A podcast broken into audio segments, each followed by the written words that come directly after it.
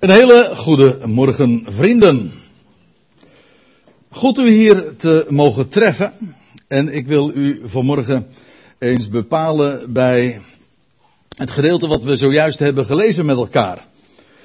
Ik maak me sterk dat u allemaal wel eens moppen gehoord hebt over Petrus bij de hemelpoort. En als u nou gaat denken van, heb je niks anders te doen om moppen te gaan tappen vanmorgen? Dan kan ik u verklappen, dat ga ik ook niet doen. Maar wat je ook van die moppen denkt, ik weet niet of u zich wel eens heeft afgevraagd uh, waar die gedachte vandaan komt dat Petrus bij de hemelpoort dan mag besluiten of iemand naar binnen mag of naar buiten. Of niet naar binnen mag, zo moet ik het zeggen dan. Het idee dat met name in de Rooms-Katholieke Kerk uh, bekend is geworden, dat is gebaseerd op een gedachte, een bijbelse gedachte op zich, maar goed, daar zijn zoveel misverstanden dan weer uit voortgevloeid en uh, weer uh, uit, als conclusies uitgetrokken. Het idee is gebaseerd op wat we lezen dat de Heer Jezus wat de Heer Jezus gesproken heeft tot Petrus, en dat lees je al in Matthäus 16. En dan, dan wordt er vermeld dat aan hem de sleutels van het koninkrijk waren toevertrouwd. Met andere woorden, Petrus zou op de een of andere wijze een sleutelfunctie gaan vervullen. En een, waar dienen sleutels anders toe dan om inderdaad te openen. Dan wel te sluiten. En dat zie je in het boek Handelingen inderdaad ook wel heel duidelijk naar voren komen. Petrus als de meest prominente van de apostelen, die dan ook inderdaad degene is die de deur openzet. Dat begint al in Handelingen 2, waar hij naar voren treedt en op, de, op het tempelplein het woord voert en op die dag zelfs 3000 mensen naar binnen laat. Door de poort. Handelingen 8 zie je een soortgelijk verschijnsel als het woord van het koninkrijk ook naar Samaria toe gaat. Ook dan vervult Petrus die sleutelfunctie. En dat is weer opnieuw het geval in Handelingen 10, het gedeelte wat we zojuist hebben gelezen. En daar is Petrus inmiddels in Caesarea. De plaatjes die u hier ziet, die zijn daar ook uh, gemaakt. En er is eigenlijk nu al uh, alleen nog maar een, een bouwval te, te bezichtigen.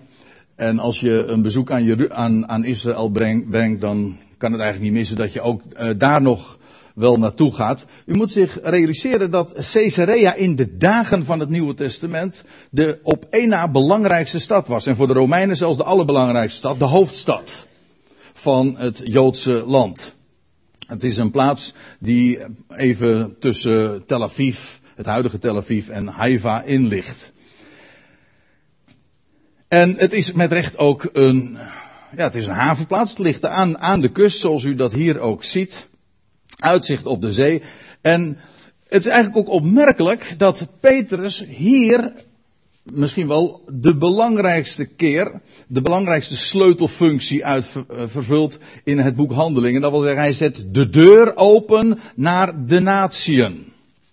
En de plaats die daarvoor is uitgekozen, Caesarea, is ook in hoge mate symbolisch, want Caesarea, dat is, ligt bij de kust, of in de Bijbelse beeldspraak bij de Volkerenzee. Daar vind je de grens van het Joodse land en daar kom je bij de zee terecht.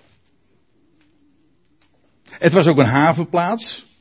En dus, en dat hoef ik hier in uh, Rotterdam natuurlijk verder niet uit te leggen, en dus ook een poort.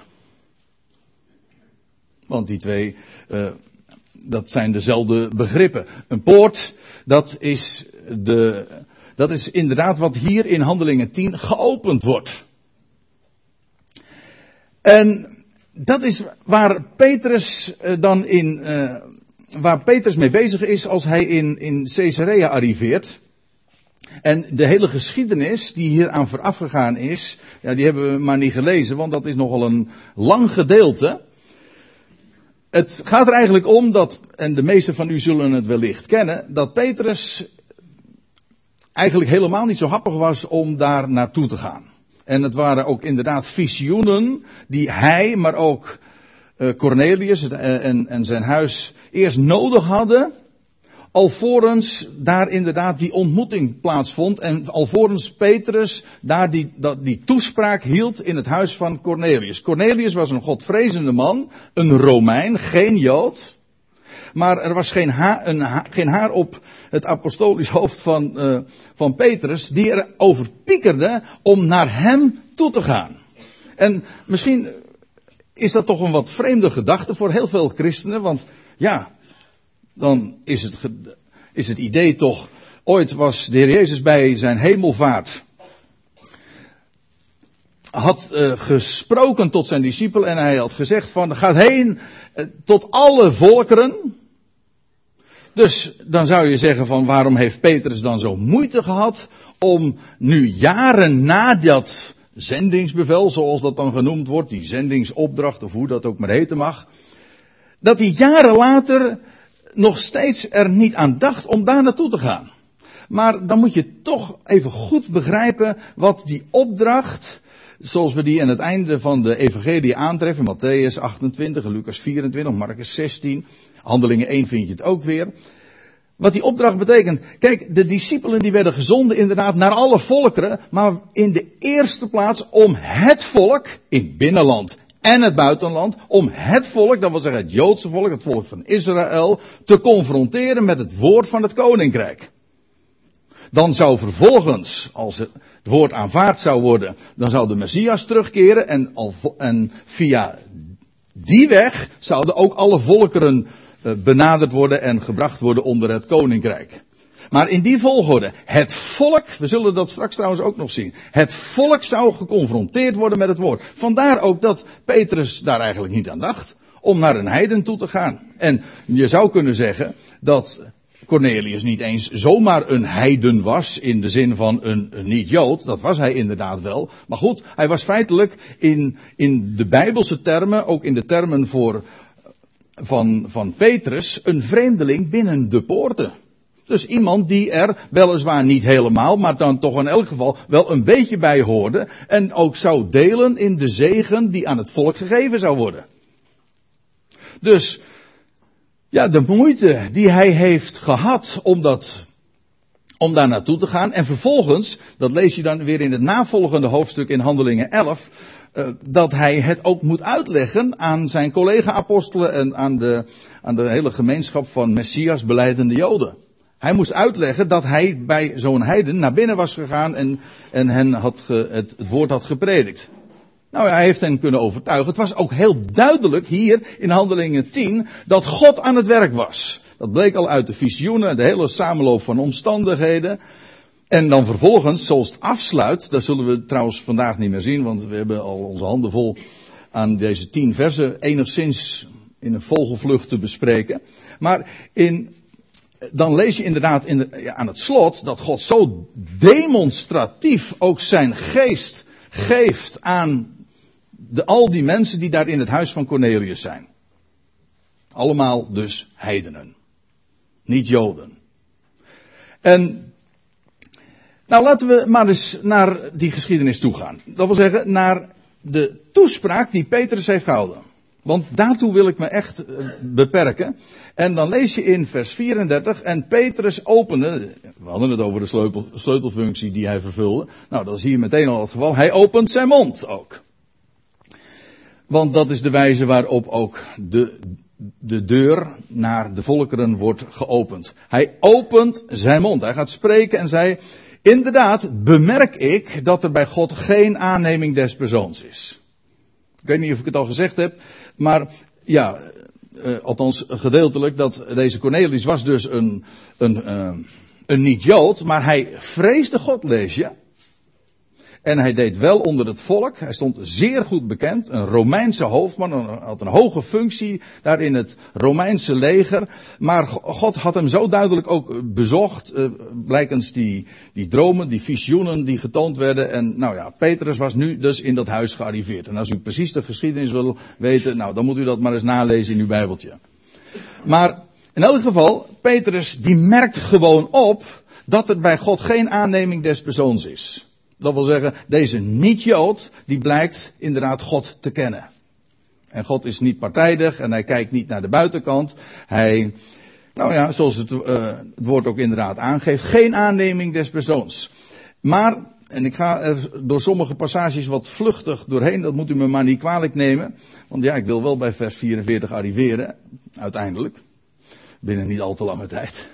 Uh, er staat er in vers 35, maar onder elk volk is wie hem vereert, en gerechtigheid werkt. En van beide dingen lees je ook inderdaad van deze Cornelius. Hij vreesde God. Hij had ontzag voor de ene God die Israël ook kende.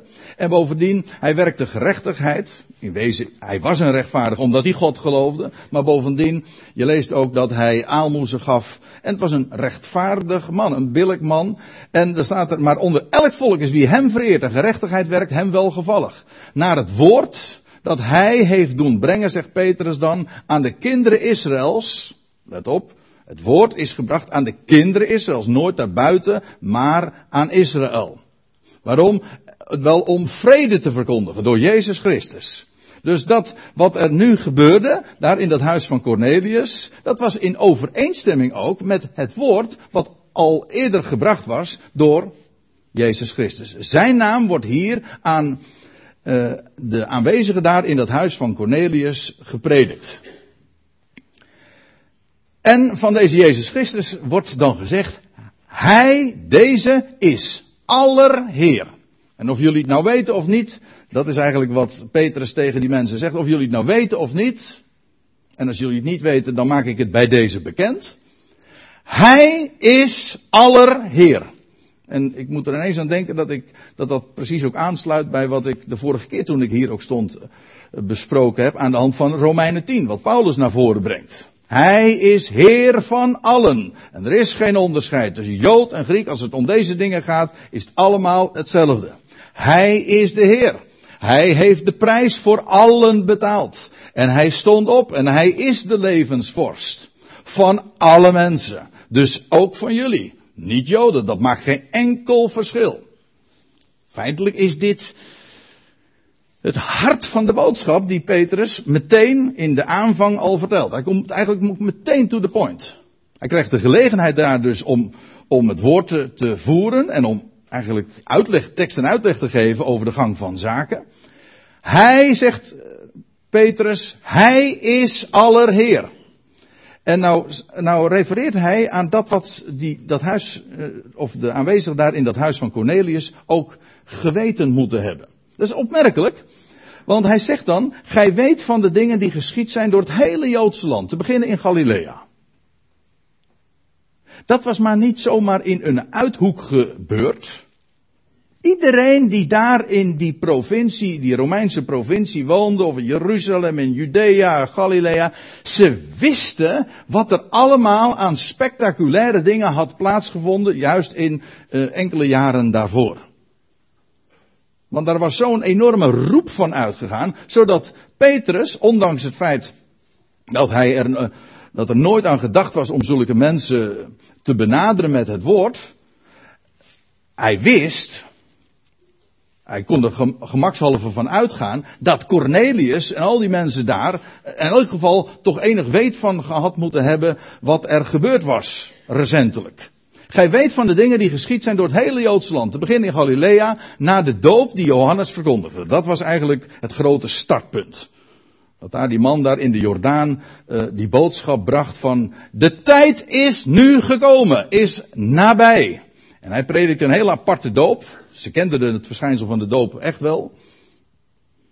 Elke Jood die laat zich bij gelegenheid, nee, die wordt gedoopt, zeg ik het nog niet goed, die doopt zich. Dat is juist het punt. Die doopt zich, reinigt zich, ritueel. Maar Johannes die kwam met een andere boodschap, dat wil zeggen net even anders. Hij zegt, word gedoopt. Laat u dopen. Nou, dat was die doop van Johannes. En ik ga verder in vers 38. En van Jezus van Nazareth. Hoe God hem met heilige geest en met kracht heeft gezalfd. En waar hij hier op doelt, is op die gebeurtenis die ooit had plaatsgevonden. Dat was bij de inleiding van, van Jezus' bediening. Toen hij gedoopt werd in de Jordaan. Je zou kunnen zeggen dat de zalving van, van Jezus, dat hij de Christus werd, dat verwijst naar zijn opstanding, dat is zo. Maar officieel is hij de gezalfde sinds zijn doop in de Jordaan. Dat staat hier ook. Hij zegt uh, dat God hem heeft gezalfd met Heilige Geest. Want wat gebeurde er bij die gelegenheid, dat was op zich al buitengewoon bijzonder, dat toen Jezus gedoopt werd door die Johannes, zijn eigen neef trouwens, dat de hemel zich opende, dat er die stem klonk, maar ook dat de Heilige Geest in de gedaante van een duif op hem daalde. Wel, dat was zijn zalving. Niet met gewone olie, maar met dat waar olie een beeld van is, namelijk van, van geest, van leven van God. Nou ja, hij werd gezalfd met Heilige Geest eh, en met kracht, want dat is eigenlijk hetzelfde. Wie Gods geest ontvangt, ontvangt leven en daarmee kracht. En staat er dan verder, hij is rondgegaan. Weldoende. In alle opzichten. En genezende. Allen. Zonder enige uitzondering. Wie tot hem kwam, werd genezen. Gaat maar na in de evangelie, is nooit een uitzondering op. Dat is wat geen enkele prediker die van charismatische huizen vandaag kan claimen. Maar dat gebeurde in die dagen. Hij genas allen die door de duivel overweldigd waren. De diabolos. Want die maakt je ook nog eens een keertje ziek. En hij genas hen allen. Want staat er, hoe gebeurde dat wel? Nou, evident was volstrekt, uh, het was volstrekt duidelijk dat God met hem was. Wat onder andere wel uit deze dingen ook bleek. Trouwens, dat is ook een van zijn namen. God met ons. Hè? Namelijk in hem. Immanuel. Want God was met hem. En zegt Petrus dan, wij, ik met uh, nog heel wat andere uh, discipelen, twaalftal in de beperkte zin, maar goed, de kring was eigenlijk nog aanzienlijk uitgebreider, veel uitgebreider. Wij zijn getuigen van al hetgeen hij gedaan heeft in het land der Joden, dat wil zeggen Judea, hij begon in, in Galilea, maar dat was het Galilea der heidenen. Vervolgens in Judea, het land der Joden. Zowel als de Jeruzalem. Dat was het, de hoofdstad van het land der Joden dan. En zegt Petrus, het is allemaal in, ja, hij laat nu even in, in, in twee, drie zinnen zien wat daar gedurende een paar jaar heeft plaatsgevonden. En zo is het dan geëindigd, althans, zo zou je dat kunnen zeggen. Zij hebben hem gedood door hem te hangen aan een hout. Dat is wat de mens, meer speciaal het Joodse volk, meer nog specialer de Joodse leiders in Jeruzalem hem hebben aangedaan. Hij is gehangen, ze hebben hem gehangen aan een hout. Hem heeft God echter, als je de klemtoon goed legt, dan, dan zie je ook meteen de, de, de tegenstelling mensen, dat zie je trouwens iedere keer in het boek Handelingen, mensen of het volk heeft hem gedood. Maar God heeft hem opgewekt. De mens kan doden, maar God deed iets wat geen mens kan, namelijk waar, alle, waar elk menselijk vermogen halt houdt, namelijk daar bij de dood. God echter heeft hem ten derde dagen, naar de schriften trouwens, want het stond allemaal voorzegd, want de persoon over wie hij het heeft, Jezus Christus, hij die allerheer is, hij was voorzegd in alle opzichten. Wie hij was, waar hij zou komen, hoe hij zou handelen, wanneer hij zou komen zelfs. Wel, en ook dat hij gedood zou worden, ook dat stond beschreven. En, maar ook dat hij opgewekt zou worden. Dat is het belangrijkste feit van alles. Dat God triomfeert over de dood. Hij, hem heeft God ten derde dagen opgewekt en heeft gegeven, staat er, dat hij verscheen. En dan moeten ze opletten wat er staat. God wekt hem dus op. Vervolgens is hij verschenen. En nou staat er iets, en daar wil ik graag uw aandacht dus voor vragen. Iets heel opmerkelijks, en het heeft de laatste week mij erg bezig gehouden, maar eigenlijk al veel langer dan dat. Daar staat er namelijk dit. Niet aan het hele volk, maar aan de getuigen die door God tevoren gekozen waren. Dat waren er heel wat trouwens hoor. Dat waren er maar geen twaalf. We weten dat het er zelfs ruim 500 geweest zijn. Die allemaal ooggetuigen, want een getuige is een ooggetuige. Iemand die kan vertellen dat wat hij gezien en gehoord heeft. Wel, God heeft, uh, heeft gegeven dat hij opstond uit de doden ten derde dagen, maar vervolgens dat hij is verschenen aan getuigen. En dat was zeer royaal, dat is zeker waar. En die getuigen die hebben ook een, een woord doorgegeven. En hebben ook hun betrouwbaarheid bewezen.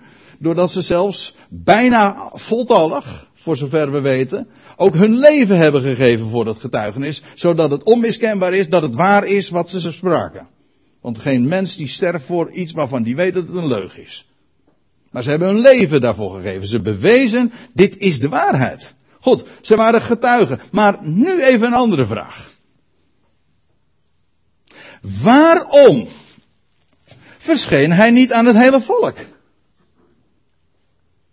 Hij stond op uit de doden. Hij was de Messias. Hij dat was eigenlijk ook het bewijs van het feit dat hij de Messias is. Ik ga dat nu niet aantonen, maar dat is heel gemakkelijk vanuit de Bijbel ook te, laten, te tonen en te, te laten zien.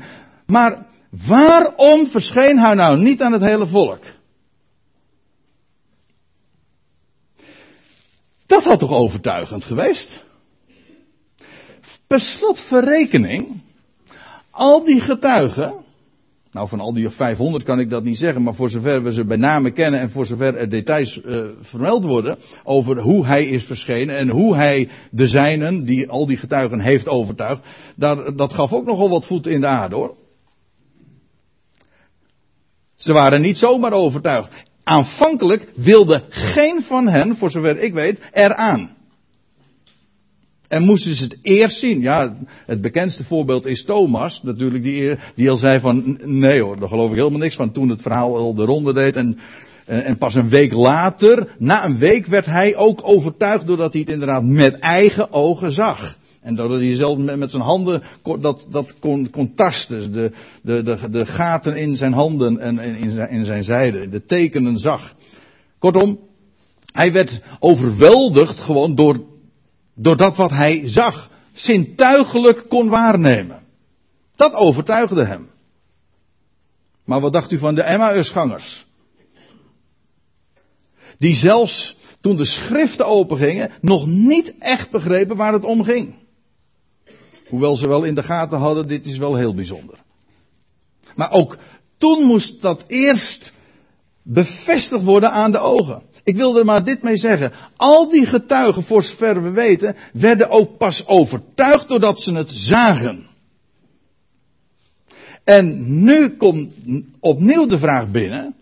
Waarom heeft God gegeven? Want zo staat het er. Hem heeft God in der dagen opgewekt en heeft gegeven dat hij verscheen. En daar staat er heel uitdrukkelijk bij. Niet aan het hele volk. Ja, maar de grote vraag die ik nu stel is waarom dan niet? Want dat had overtuigend geweest. En ik zal u vertellen. Het gaat gebeuren in de toekomst. Israël zal als volk overtuigd worden wanneer nou, in wezen net als Thomas. Thomas is een prachtig type feitelijk ook van het Joodse volk dat ook zegt van nou, wij geloven niet dat hij de Messias is. Wij moeten hem eerst zien. Nou, ze worden op hun wenken bediend. Niet 1, 2, 3. Nou ja, wel 1, 2, 3 op de derde dag, hè. Maar, ja, dat is, maar nou praten we over dagen uh, van duizenden jaren. Nee, van duizend jaren. Van millennia. Derde millennium. Maar goed, het Joodse volk, het volk van Israël, zo u wilt, zal overtuigd worden, inderdaad, doordat, is, doordat de Messias, de opgestane Messias, aan hen zal verschijnen. En dan, dan zal elk oog, dat lees je dan ook, elk oog zal hem zien. En ze zullen zien wie zij hebben doorstoken. En Jeruzalem zal een rouwklacht aanheffen en want hij is het. Hij, die Jezus van Nazareth, hij blijkt het dus inderdaad te zijn. Zo zullen ze overtuigd worden. Zo werden ook die getuigen, die ruim 500 getuigen, overtuigd. Maar, en ja, wij, wij die hier zitten, en ik ga er even gemakshalve van uit dat u dit woord kent en lief hebt. En hoe zijn wij overtuigd? Ja, gewoon door het woord van die getuigen. Omdat zij dat hebben te geboekstaafd, ze hebben het opgetekend. En dat woord, wat zij hebben uh, vastgelegd, dat is in ons bezit, dat zijn de schriften. En dat woord heeft ons hart uh, overtuigd. En het was de heer Jezus die ook tegen Thomas zei. Zalig, of beter, gelukkig zijn degenen die niet zien en toch geloven. Dat zijn wij.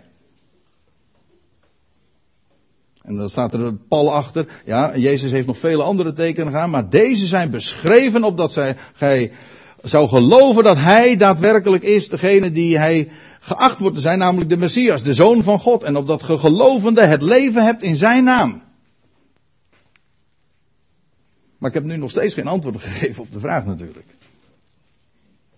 Waarom verscheen hij niet aan het volk? Dat had toch overtuigend geweest. Sterker, dat zou overtuigend zijn. En de vraag is dus feitelijk, waarom gebeurde toen niet wat in de toekomst wel zal plaatsvinden? Waarom heeft God gewacht? Was het eigenlijk al niet voorspelbaar op voorhand dat toen God het zo inderdaad bepaalde aan ruim 500 mensen die tevoren uitgekozen waren om die als getuigen te laten optreden te midden van het volk. Israël zou daar niet door tot geloof komen. Eigenlijk wist, zou je het van tevoren kunnen voorzeggen al. Was het dan soms de bedoeling dat Israël toen al niet tot geloof zou komen? Ja, ik stelde hier de vragen. Maar het mooie is, en ik laat het u niet zien, maar ik wil u er wel een hint geven. Kijk eens in de brieven van Paulus.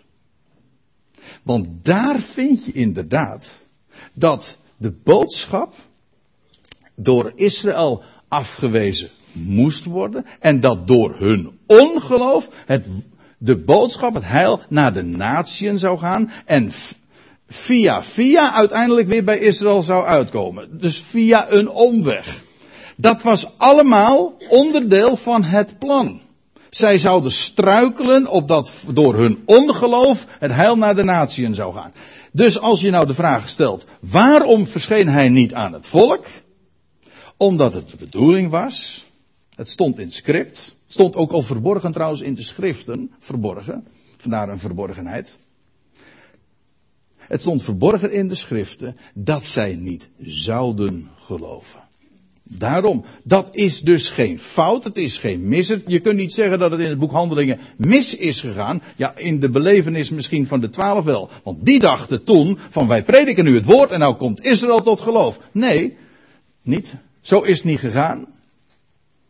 En het feit dat Petrus dat hier zo ook formuleert. Hij is niet verschenen. God heeft het gegeven dat hij niet aan het volk zou, aan het hele volk zou verschijnen, maar slechts aan de getuigen. Die door God tevoren uitgekozen waren. Ik moet er trouwens ineens ook aan denken. Dat, dat het, de apostel Paulus, want naar hem verwees ik zojuist. Dat Paulus daar ook in Caesarea is aan, diverse keren is geweest. Sterker nog, hij heeft daar twee jaar gevangen gezeten. Dat lees je aan het slot van het boek Handelingen. En het is eigenaardig. Petrus is degene die daar in Caesarea de deur opent voor de natie. Maar hij gaat niet door die deur. Dat lees je nergens. Eigenlijk, hij opent de deur voor Paulus. Want Paulus is het, dat is heel, ja, dat is ook weer zo symbolisch. Petrus arriveert daar in Caesarea. Hij zet de deur open en wie gaat er door die deur heen? Dat is Paulus. Je leest diverse keren dat hij via Caesarea inderdaad zijn zendingsreizen aanvangt. En trouwens ook weer terugkomt. Hij, hij, vertrekt daar en hij komt er ook weer aan. In Caesarea. Dat door die poort die door Petrus was geopend. Maar de geschiedenis, de heilsgeschiedenis maakt een soort omweg, een, een, een U-bocht. Om uiteindelijk weer te komen daar waar het begon, bij Israël. En hij zal inderdaad te zijner tijd, op de derde dag, verschijnen aan het hele volk. Maar toen niet. En dat had een bedoeling. Petrus legt dat hier niet uit, maar hij, hij wijst wel op een heel merkwaardig fenomeen. Namelijk dat hij niet aan het hele volk is verschenen. Goed. Hij verscheen dus aan de getuigen die door God tevoren gekozen waren. Aan ons, pardon, aan ons die met hem gegeten en gedronken hebben nadat hij uit de doden was opgestaan. Het was allemaal zo overduidelijk. Zij zijn dus echt met recht ooggetuigen. Vele malen is hij verschenen. Niet alleen maar dat ze hem gezien hebben. Ja, het is uh, de apostel Johannes die later ook zegt, we hebben, hem, we hebben hem met eigen ogen gezien, we hebben het aanschouwd, we hebben het zelfs met onze handen getast. En we hebben met hem gegeten en gedronken. Ik bedoel, zij claimen dus werkelijk de waarheid te spreken. Wij zijn ooggetuigen. En staat er dan nog bij, hij, die opgestane levensvorst, hij heeft ons geboden het volk te prediken en te betuigen. Hé, hey, daar hadden we het eh, bij aanvang nog even over. Dat de discipelen inderdaad wisten, we zijn erop uitgestuurd, we zouden naar alle volkeren gaan. Ja, maar waarom? Wel om het volk te betuigen. Want het, grootste gedeelte, ook in die dagen, dat is niet alleen vandaag zo. Het, ik bedoel, we kennen nu het verschijnsel van een, een Joodse staat daar in het Midden-Oosten. Maar het grootste gedeelte van het Joodse volk woont buiten de grenzen. Dat was in de dagen van het Nieuwe Testament in feite niet anders. Ook toen was het een minderheid die woonde zeg maar binnen de landsgrenzen en het merendeel woonde buiten, in het buitenland. Wel, zij, het volk, het volk moest weten wie hij was. Hij heeft ons geboden het volk te prediken en te betuigen. Daarom was het helemaal niet zo gek dat Petrus er helemaal niet aan gedacht heeft en zijn collega-apostel al evenmin om naar een heiden toe te gaan. Goed, hij was nu in een, bij een vreemdeling binnen de poorten. En de deur gaat open. Maar goed, wat zou hij dan prediken? Wel dat hij, Jezus, de Messias, de opgestane Messias, dat hij het is die door God is aangesteld tot rechter over, of letterlijk staat er, van levenden en doden, kortom van allen. Hij is het die de rechter is, die de koning is, die, maar een rechter is niet alleen maar een juridische functie, het is ook een heersersfunctie. Iemand die recht doet, die recht zet en ook weer terecht brengt. Dat zit allemaal in dat begrip rechter in de Bijbelse zin. Wel, hij is de rechter van leven en de doden. Is een, in wezen, in die, in die aanduiding van rechter van leven en, en, en doden, daar, daar, daar, zit, daar klinkt een, een goed bericht in door. Voor levenden en doden is hij het antwoord. Want hij gaat alles wat krom is rechtzetten. En hij gaat alles terechtbrengen. Hem vertellen wij. Hem verkondigen wij. Hij is de Curios, de Heer. Wel, zegt Petrus er dan nog bij, van hem getuigen alle profeten. Dat een ieder. Dus opmerkelijk even tussendoor. Het is opmerkelijk dat als je dat leest in de, in de prediking van het boek Handelingen, dat als zij spreken over de Messias, dan gaat altijd de Bijbel open. Dat wil zeggen hun Bijbel, de Tenach. En dan, dan laten ze zien hoe, hoe van Mozes aan, dat wil zeggen vanaf het begin van de Tenach tot aan de profeten, alle profeten, heel de Bijbel, hun Bijbel ook al, sprak van hem. Van hem getuigen alle profeten. Zodat ze ook werkelijk dus bewijsvoering, aan bewijsvoering deden. Ze, ze konden zeggen van kijk, het staat er gewoon. En wij zijn als, wij zijn ooggetuigen, we bevestigen het. Maar ze stelden dat wat ze vertelden inderdaad onder bewijs. Van hem getuigen alle profeten dat een ieder die in hem gelooft vergeving van zonden ontvangt door zijn naam. Die vergeving van zonden, ja, dat is een wat mager begrip hoor. Dat wil zeggen een magere weergave, want vergeving van zonde, ik weet niet hoe u het hebt, maar ik denk dan van dat de, de schuld wordt weggedaan. En het begrip is wijds genoeg of ruim genoeg om dat in te sluiten, maar het is, uh, het is veel meer. Het is niet alleen maar uh, dat de schuld wordt weggedaan. Er wordt hier helemaal niet over vergeving van schuld gesproken, maar het wil zeggen dat begrip ver, vergeving, dat is hetzelfde woord als vrijlating. Het betekent bevrijding namelijk van zonde. Dat wil maar niet zeggen van dat de schuld die dat met zich meebrengt wordt weggedaan. In feite zit, eh, betekent dat woord, eh, of dat begrip, of die frase dat niet eens. Het betekent dat je, dat een ieder die hem gelooft, de levensvorst kent, die wordt bevrijd. Het idee daarbij is dat je gevangen zit, een slaaf bent van zonden. Je zit vast aan dat doel missen. En door hem bereik je je doel.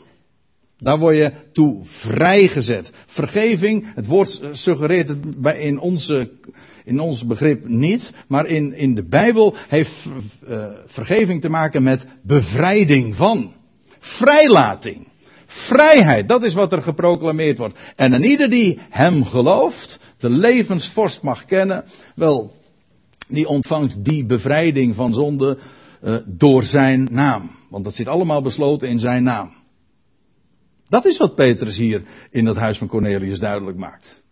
En het gekke is, hij had er juist op gewezen van ik, wij moesten het volk dat betuigen. En bij, en niet, wij hoeven niet naar de natie naartoe, maar moeten eens opletten wat er dan gebeurt. Terwijl Petrus deze woorden nog sprak, viel de Heilige Geest op allen die het woord hoorden. En daarmee eh, vond er iets heel demonstratief plaats. Het was, een, het, was een, een, verschijnsel dat deed denken, later in Handelingen 11 lees je ook inderdaad dat dat zo geformuleerd wordt. Het deed denken aan wat er ooit in Handelingen 2 hè, in Jeruzalem plaatsvond, op de Pinksterdag. Een soortgelijk verschijnsel. Lees je ook dat, ze, dat die mensen die daar in dat huis waren, die gingen in tongen. Nou ja, dat vind ik altijd een beetje een raar woord, maar het betekent gewoon in vreemde talen spreken. In talen die ze niet kenden. Of nooit geleerd hadden. Ze gingen in vreemde talen spreken. Wat trouwens ook wel weer een aanduiding is dat het doorbrak naar andere talen. Er wordt iets opengezet. Wel, dat is wat er gebeurde. Er gebeurde gewoon daar ter plekke een wonder waarmee God ook demonstreerde. De poort wordt naar de natieën opengezet. En de hele timing dat het net uh, gedurende deze geschiedenis, of eh, in, in handelingen 10 pas plaatsvond, nadat Israël al de boodschap, boodschap had afgewezen, wel de tijd was nu aangebroken dat de poort opengezet zou worden, en het zou nog maar een paar hoofdstukken duren, voordat Paulus daar inderdaad daadwerkelijk doorheen zou gaan. Trouwens, Paulus was juist daarvoor in handelingen 9 geroepen. Het hangt allemaal met elkaar samen. Petrus zet hier inderdaad dus de poort open. Maar waar het me nu eigenlijk vanmorgen vooral om gaat, is u te vertellen dat inderdaad Petrus die sleutelfunctie vervult. Daar aan, daar aan de zee, bij de Volkerenzee. Hij zet de poort open, maar hij wijst op iemand. Namelijk de exact dezelfde persoon als waar wij het, waar wij om, waar, wij om, uh, ook vanmorgen samengekomen zijn. Namelijk om hem die ten derde dagen verrees uit het graf. De levensvorst. De rechter van levenden en doden. Hij is aller Heer. En die Heer, die is vandaag nog steeds net zo machtig. Om, wat je hier ook leest, om wel te doen, om te zegenen en om bevrijding te geven. En hij is de hoop voor allen. Hij is Heer van allen. En elke tong zal dat ook gaan beleiden en getuigen. En ik stel voor dat we nu ook een lied gaan zingen waarin, daar, waarin dat gezegd wordt. Juicht, want Jezus is Heer.